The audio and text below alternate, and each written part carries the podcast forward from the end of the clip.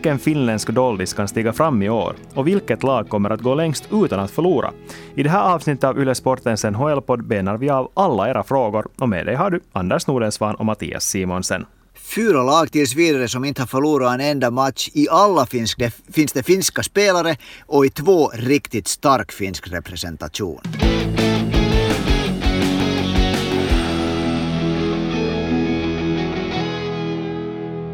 Men vi måste ändå börja med att koppla tillbaka till det förra avsnittet. Där hyllar vi ganska unisont Jenny Hakanpää för sina tag i rinken, men nu gick han ju och knätacklade Drew Dowdy. Jo, jag höll ju senast en ganska lång utläggning om just Jani Hakanpää. Om hur han det där äh, är noga med att inte tackla vårdslöst. Och nu var det ju en verkligt vårdslös tackling som gjorde att Drew Dowdy eh, skadades. Det, det var en oavsiktlig tackling när det blev en, liksom en knätackling när Jani Hakanpää inte riktigt hängde med i Drew Dowdys snabba kurvor där precis innanför blå linjen. Men det blev inte någon avstängning. Det blev, två, eh, det blev matchstraff eh, i den matchen men ingen avstängning och Jani Hakanpää var jätteledsen efteråt. Och, och det där, det var nog definitivt inte en avsiktlig grej men det var nog helt rätt att han fick matchstraff där.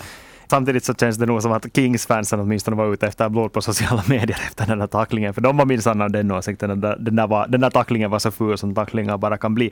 Nej men eh, det, NHLs disciplinära kommitté kom fram till exakt samma sak. Det var en, ett tacklingsförsök som helt enkelt var lite slarvigt helt enkelt. Att han var lite för långsam, han kom in lite för sent, men han försökte inte knätackla, utan det blev bara en knätackling. Så vi, vi får väl säga att Hakanpää fortfarande är en helt okej okay skille. Liksom. Ja, det var ett långt byte för honom och det var ganska kämpigt för det var liksom äh, Dallas försvara frenetiskt och, och Los Angeles snurra på där och Jani Hakanpää fick verkligen åka omkring. Och det var liksom, man märkte att det var tungt för honom. Jag tror det berodde på att han var helt enkelt, han började ha mjölksyra i, i låren när, det, när, när bytet började vara, började vara liksom över. Det var väl närmare en minut tror jag. Men om vi riktar fokus på den andra spelaren, involverade spelaren i den här tacklingen, alltså Drew Dowdy och kanske vad det har haft för följder för Los Angeles Kings, så är det ganska intressant ur Finlands perspektiv att notera det som Yle Urheilus NHL-reporter Tommy Seppälä gjorde på Twitter, alltså att Olli Määttä inte fick spela trots att Dowdy skadades. Det betyder att han är åttonde på den här backrankningen i Los Angeles just nu och det är ju verkligen inte goda nyheter för honom. Nej, Olli Määttäs karriär tycks nu vara på väg äh, neråt riktigt ordentligt. Och då ska vi komma ihåg att han är väl, han fyller 27 år så han borde vara egentligen i sina bästa år som back. Vi såg på våren, han gjorde jättebra ifrån sig i VM. Han var, no. han var, nu var han uppe på vippen att vara den bästa backen i ett lag som vann VM-silver. Så nu är det inte, inte, det, inte var det en svag insats och, och det där. Men hans spelstil tycks nu på något sätt inte riktigt mera vara den som passar in i NHLs tankevärld. Nej, alltså mitt problem med det där att lyfta fram honom som att göra ett jättebra VM är det att han inte var så bra som en NHL-back borde vara med tanke på hur bra eller vilken nivå resten av spelarna i den där turneringen höll. För nu ska vi komma ihåg att det inte fanns några A-stjärnor i Kanadas landslag till exempel. Ändå så Olli Määttä ganska blek ut till och med i jämförelse med dem. Så därför är jag lite, lägger jag in ett litet mm, på den, det påstående. Men det som är ganska intressant här ändå det är att det som ju nu håller på att hända, i mina papper åtminstone, det är att Jani Hakanpää håller på att köra om just Olli Määttä i de här OS-rankningarna åtminstone. Jag skulle säga att han har gjort det redan för länge sedan, för att han är ju en högerskytt för det första. Det, där, det, det som jag tycker att Hakanpää är annorlunda helt än Olli Määttä, att han är ju betydligt mer fysisk.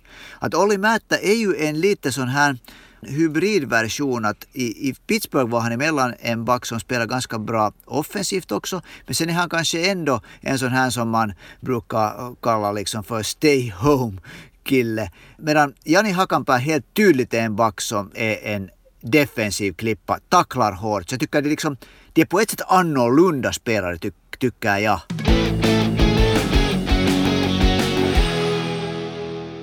Men vi ska ta itu med era frågor också och vi stannar i Los Angeles. Hugo vill veta vad vi tror om Rasmus Kuparis säsong och Jan Anders har faktiskt bett oss gå igenom flera mindre kända NHL-finländare, men bland andra just Kuparis, så vi fokuserar på honom. Så Anders, vad, vad, tycker du, vad ska man lyfta fram om Rasmus Kuparis, som nu tydligen har blivit en NHL-anfallare?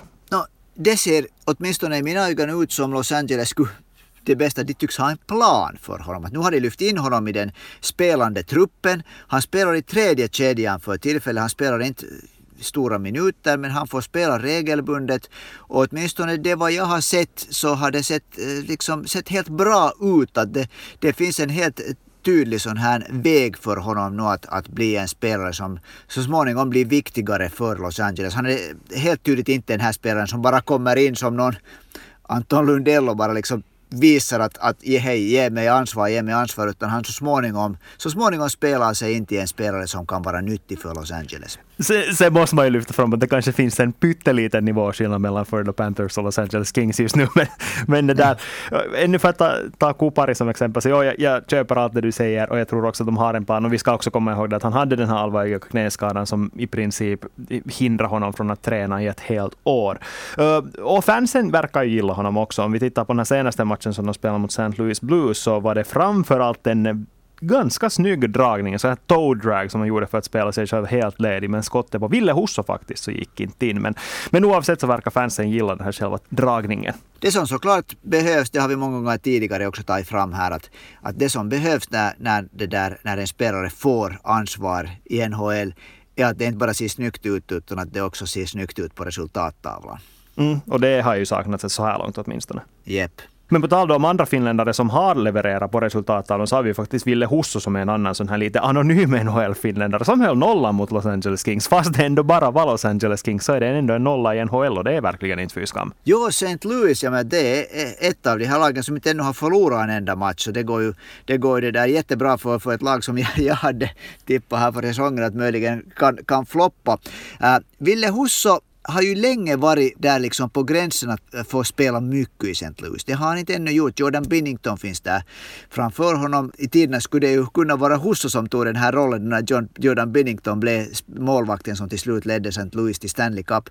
Husso tycker jag har, varit, har haft ett problem med att vara liksom stabil i många matcher i sträck. Ja, det är kanske mest talande för att hans roll i det där laget är att vara just andra målvakt. den, den uppgiften tror jag att han klarar av hur bra som helst. För helt som du sa, då de lyfte in Jordan Binnington då den där i januari 2019 så kunde de ju lika bra ha gjort det med Ville Husso. Antagligen skulle det inte ha gått lika bra för Binnington visade sig ju sen vara en otroligt bra målvakt. Ville Husso har, som du säger haft lite problem med den här eh, kontinuiteten på sitt sätt. Men samtidigt tror jag också att det här har varit St. Louis Blues plan nu ganska länge, ända sedan den våren åtminstone. De vet att de har Binnington som har visat sig vara en startande målvakt, en bra första målvakt i NHL-mått mätt. Plus att de sen har en Ville Husso där som kan åtminstone växa fram till att bli en andra målvakt, om inte då en en första målvakt, så åtminstone en sån här andra målvakt som nu kanske har behövt de alla de här åren på sig för att växa in i den rollen. Ja, och det kanske börjar... Han, han är ju samma årgång som, som Jose Saros. De var ju samtidigt målvakter då i det där i JVM i tiderna 2014. Och då tog Saros över liksom, han blev första målvakt. Det har lite varit liksom, Ville Hussos story har lite varit den här att han har, han har väldigt ofta förlorat den här interna kampen om första spaden i de lagen han har spelat. Så kanske han är en målvakt som är en stabil andra målvakt och det är ju minsann inte heller det en fyskämskarriär i, i NHL. En annan mindre känd finländare som Jan Anders lyfter fram är Eetu Luostarinen. Och honom finns det ju absolut orsak att tala om redan nu, för han verkar ju ha tagit den här rollen som fjärde center i Florida Panthers. Ja, det, det är nog ganska kul. Nu är ju Anton Lundell tyvärr, tyvärr skadad. Hoppas han inte är länge borta, men, men det var här ett par matcher så att, att tre av de fyra centrarna i ett lag som man nästan kan kalla för åtminstone för ett av de tre bästa lagen för tillfället NHL det där var finländare. Och Eetu Luostarinen fick inte spela de två första matcherna, eller var det till och med tre första matcher. Men när han kom in så var han nog minsann motiverad och det har sett jättebra ut uh, hittills. Men det har inte heller blivit poäng ännu. Nej, men jag tror inte heller för honom att det är viktigt att få poäng i och med att just han spelar hej, i fjärde kedjan. Plus det att han spelar väldigt mycket boxplay. Han spelar ju till, till exempel i samma boxplay fyra med Anton Lundell som forward. Just det. Och det som jag tycker att är en, en viktig poäng här. För att nu gjorde, nu gjorde det där Joel Kennewill det att han gav här i första matcherna och, och Joe Thornton möjligheten att spela center i, i fjärde kedjan. Och det måste jag nog säga att den fjärde kedjan med Joe Thornton var inte bra. Joe Thornton är, är nog inte mera tycker jag en spelare som håller måttet. Det är tempo, det är spelstilen som Florida spelar åtminstone som center. Så jag, jag på något sätt tror ganska mycket på det att Eetu Luostarinen kan ta den där rollen som, som fjärde center, helt liksom vara den som de satsar på resten av säsongen. Men det är ju inte heller bara Joe Thornton som han måste slå i det, den kampen om den spelplatsen, utan också Noel Akiari. När han kommer tillbaks, ja. Det, det är sant. Och då, men då har ju Luostarinen, då har ju Luostarinen erfarenhet från förra säsongen av att spela på, på den där kanten också. Det, det är ju inte helt omöjligt och det är ganska, ett ganska bra koncept att ha en sån här fjärdekedja som egentligen då har två centra varav den ena då är liksom egentligen center men den andra kan ta den rollen vid behov också. Mm. Men om vi stannar bland de anonyma NHL-finländarna, fast de är nu inte alls anonyma egentligen. Men Jonas undrar om det kommer att bli en NHL-spelare av Christian Vesalainen i Winnipeg. Och nu verkar det ju kanske som att det skulle kunna bli det. Det är nog han, han är ju inte den enda som undrar över det om vi säger på det viset. Christian Vesalainen börjar nu också vara, det borde liksom börja stämma. Han har så hemskt mycket som är bra i. Han är, han är stor, vuxen, han är där skrinner bra, han har ett ganska bra skott.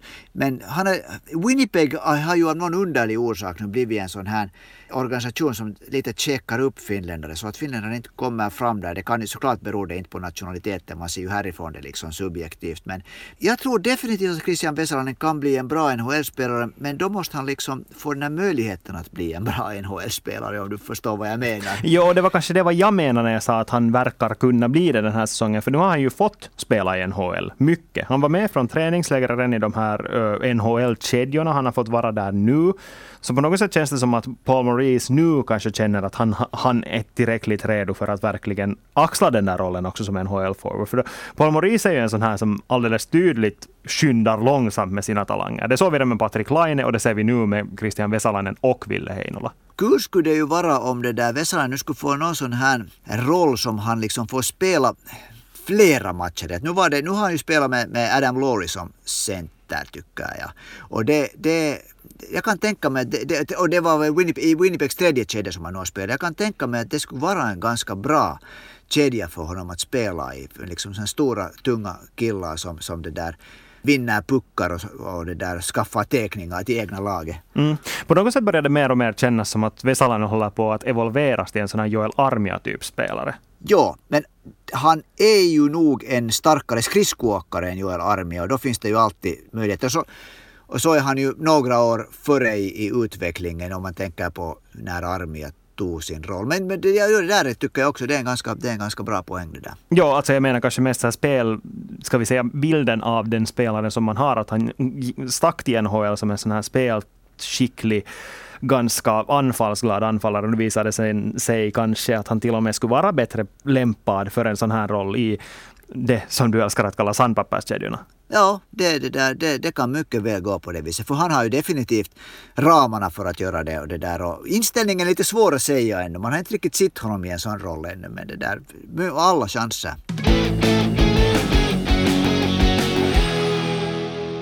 Vi nämnde lite St. Louis Blues, vi nämnde lite Florida Panthers och de är ju alltså två av fyra lag som inte ännu har förlorat en endaste match den här säsongen tillsammans med Carolina Hurricanes och Edmonton Oilers.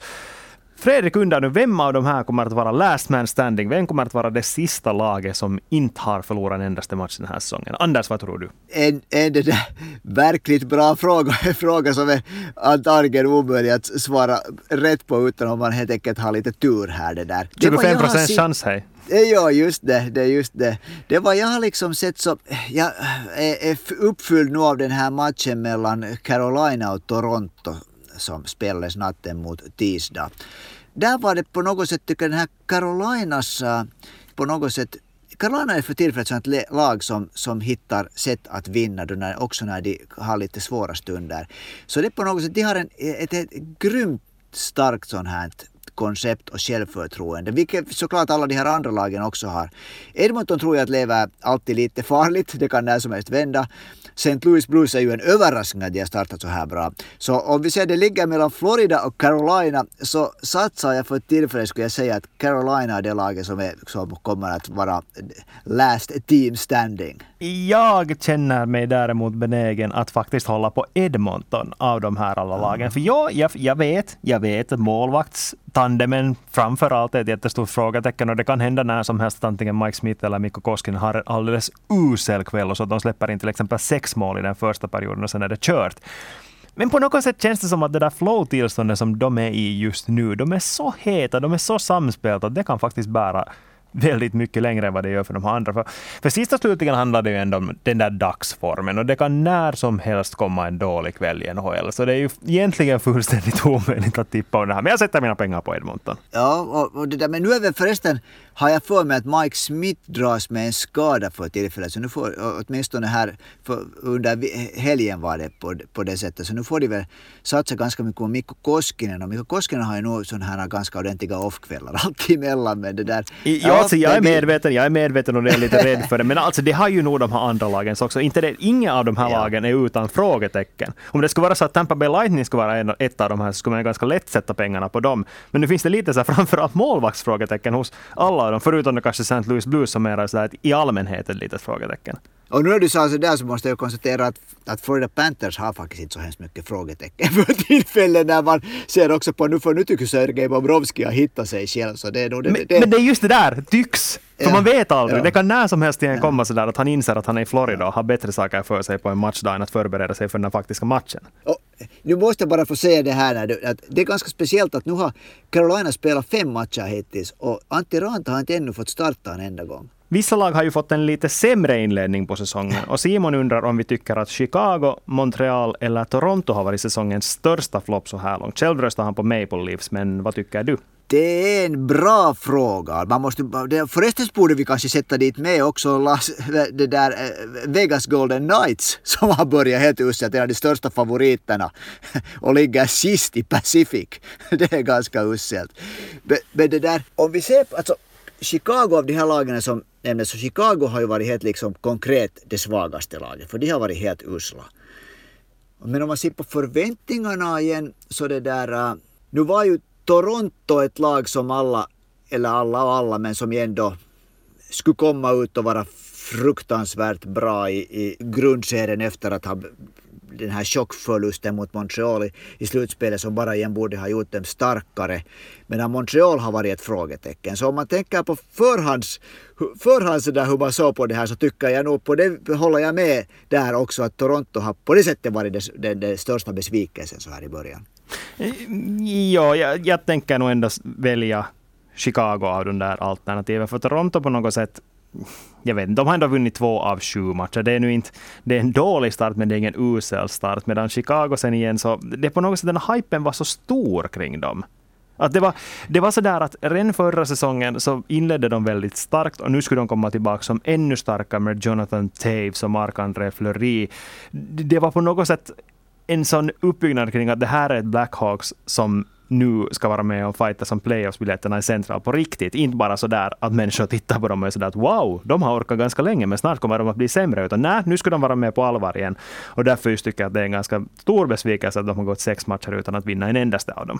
Och speciellt om man också lyfter fram det att Seth Jones som är liksom fick ett ganska saftigt kontrakt om man säger på det viset. Kom dit och skulle vara, skulle vara frälsaren för, för det där eh, i försvarsspelet och det har, det har nog verkligen inte sett bra ut för Seth Jones så här långt. Så det där, på det sättet så kan man konstatera att helt konkret så har Chicago verkligen varit en, en besvikelse. Mm. Det har varit sett hemskt ut det där deras spel. Ja, Jarmo Kekäläinen sitter nog någonstans och myser och, och tittar sådär att ja, jag visste nog, jag visste nog vad han var värd. Nej, inte ska man ju säga liksom, det är ju inte Seth Jones fel Chicago har varit så dåliga, det är ju en laginsats som, som resulterar i, i, sex raka förluster. Och då så måste vi också lyfta fram att Montreal inte har varit något bättre heller. Men igen, de har vunnit ens en match, så därför, därför klassar jag Chicago som en större besvikelse. Och det var ju liksom den där matchen som de vann så var ganska, den vann de liksom med besked så att säga.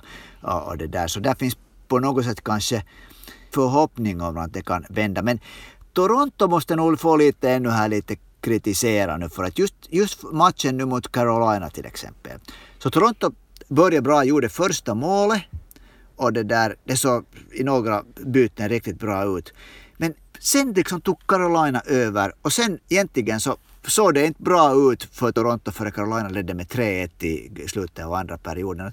Det är på något sätt ett lag som jag tycker att de, jag vet inte, har det på något sätt knäckts med. De, liksom, de kan inte göra en konsekvent bra match om att liksom hålla sin nivå utan det far upp och ner och det far upp och ner och efter ett, ett bra byte så känns det lite som att de åker till bänken och säger att nu, nu, det där, nu, gjorde vi, nu gjorde vi ett bra byte.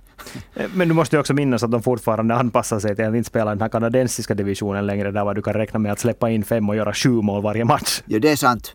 Men jag, det där, jag, jag, tittade, jag försökte liksom, i och med att jag, jag det där visste att vi skulle snacka om det, så försökte jag titta lite med sådana här, just med, med, med, kritiska ögon på den här. De matchar ganska mycket äh, första kedjorna, där kedjan med, med, med Sebastian Aho och Teo Tervainen, nu var det Andrei Svechnikov som spelade, de mot kedjan med, med, med, med, med det där Austin Matthews, Mitch Marner och, och, det där, och William Nylander. Och tidvis såg det ut som den här kedjan med Matthews liksom var bättre. Men när den här Ahos kedjan var sån här att de där du såg, när matchen var slut så hade Aho vunnit 56 procent av teckningarna, hade plus ett, hela den kedjan hade plus i protokollet, gjorde mål och, och Matthews kedja var alla på minus och Matthews vann bara 44 procent av sina teckningar.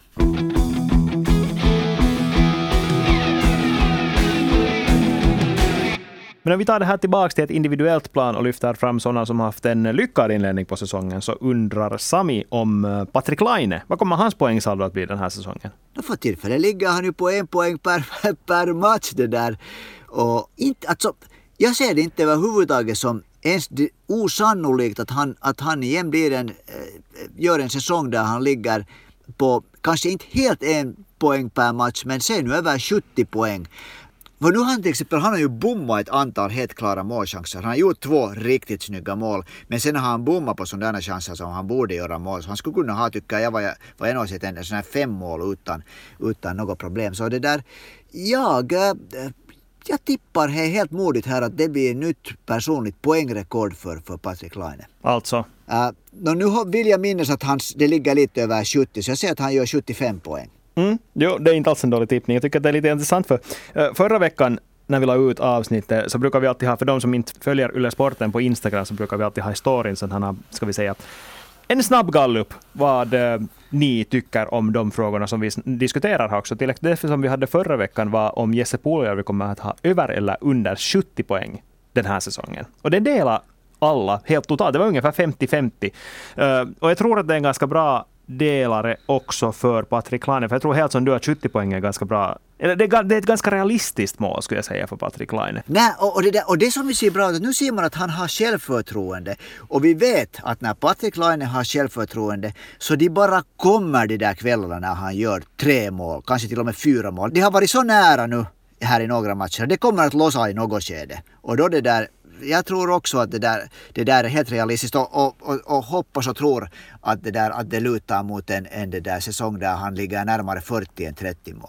Mm, och det var just det där som jag tänkte lyfta fram här som det viktigaste. Att Patrik Laine nu är typexemplet på hur mycket det mentala spelar in i ishockey. För eh, I fjol var det så uppenbart att det var någonting som var snett med inte bara hela Columbus utan också honom som spelare. Det där. Kanske det var det där flytten från Winnipeg till Columbus och det där att spelet inte riktigt började rulla på där. Hur det ändå blir en sån där, som man säger på finska, en apa på ryggen. Ett spöke någonstans där i bakhuvudet som bara hålls kvar och inte låter dig prestera på den nivå som du kan.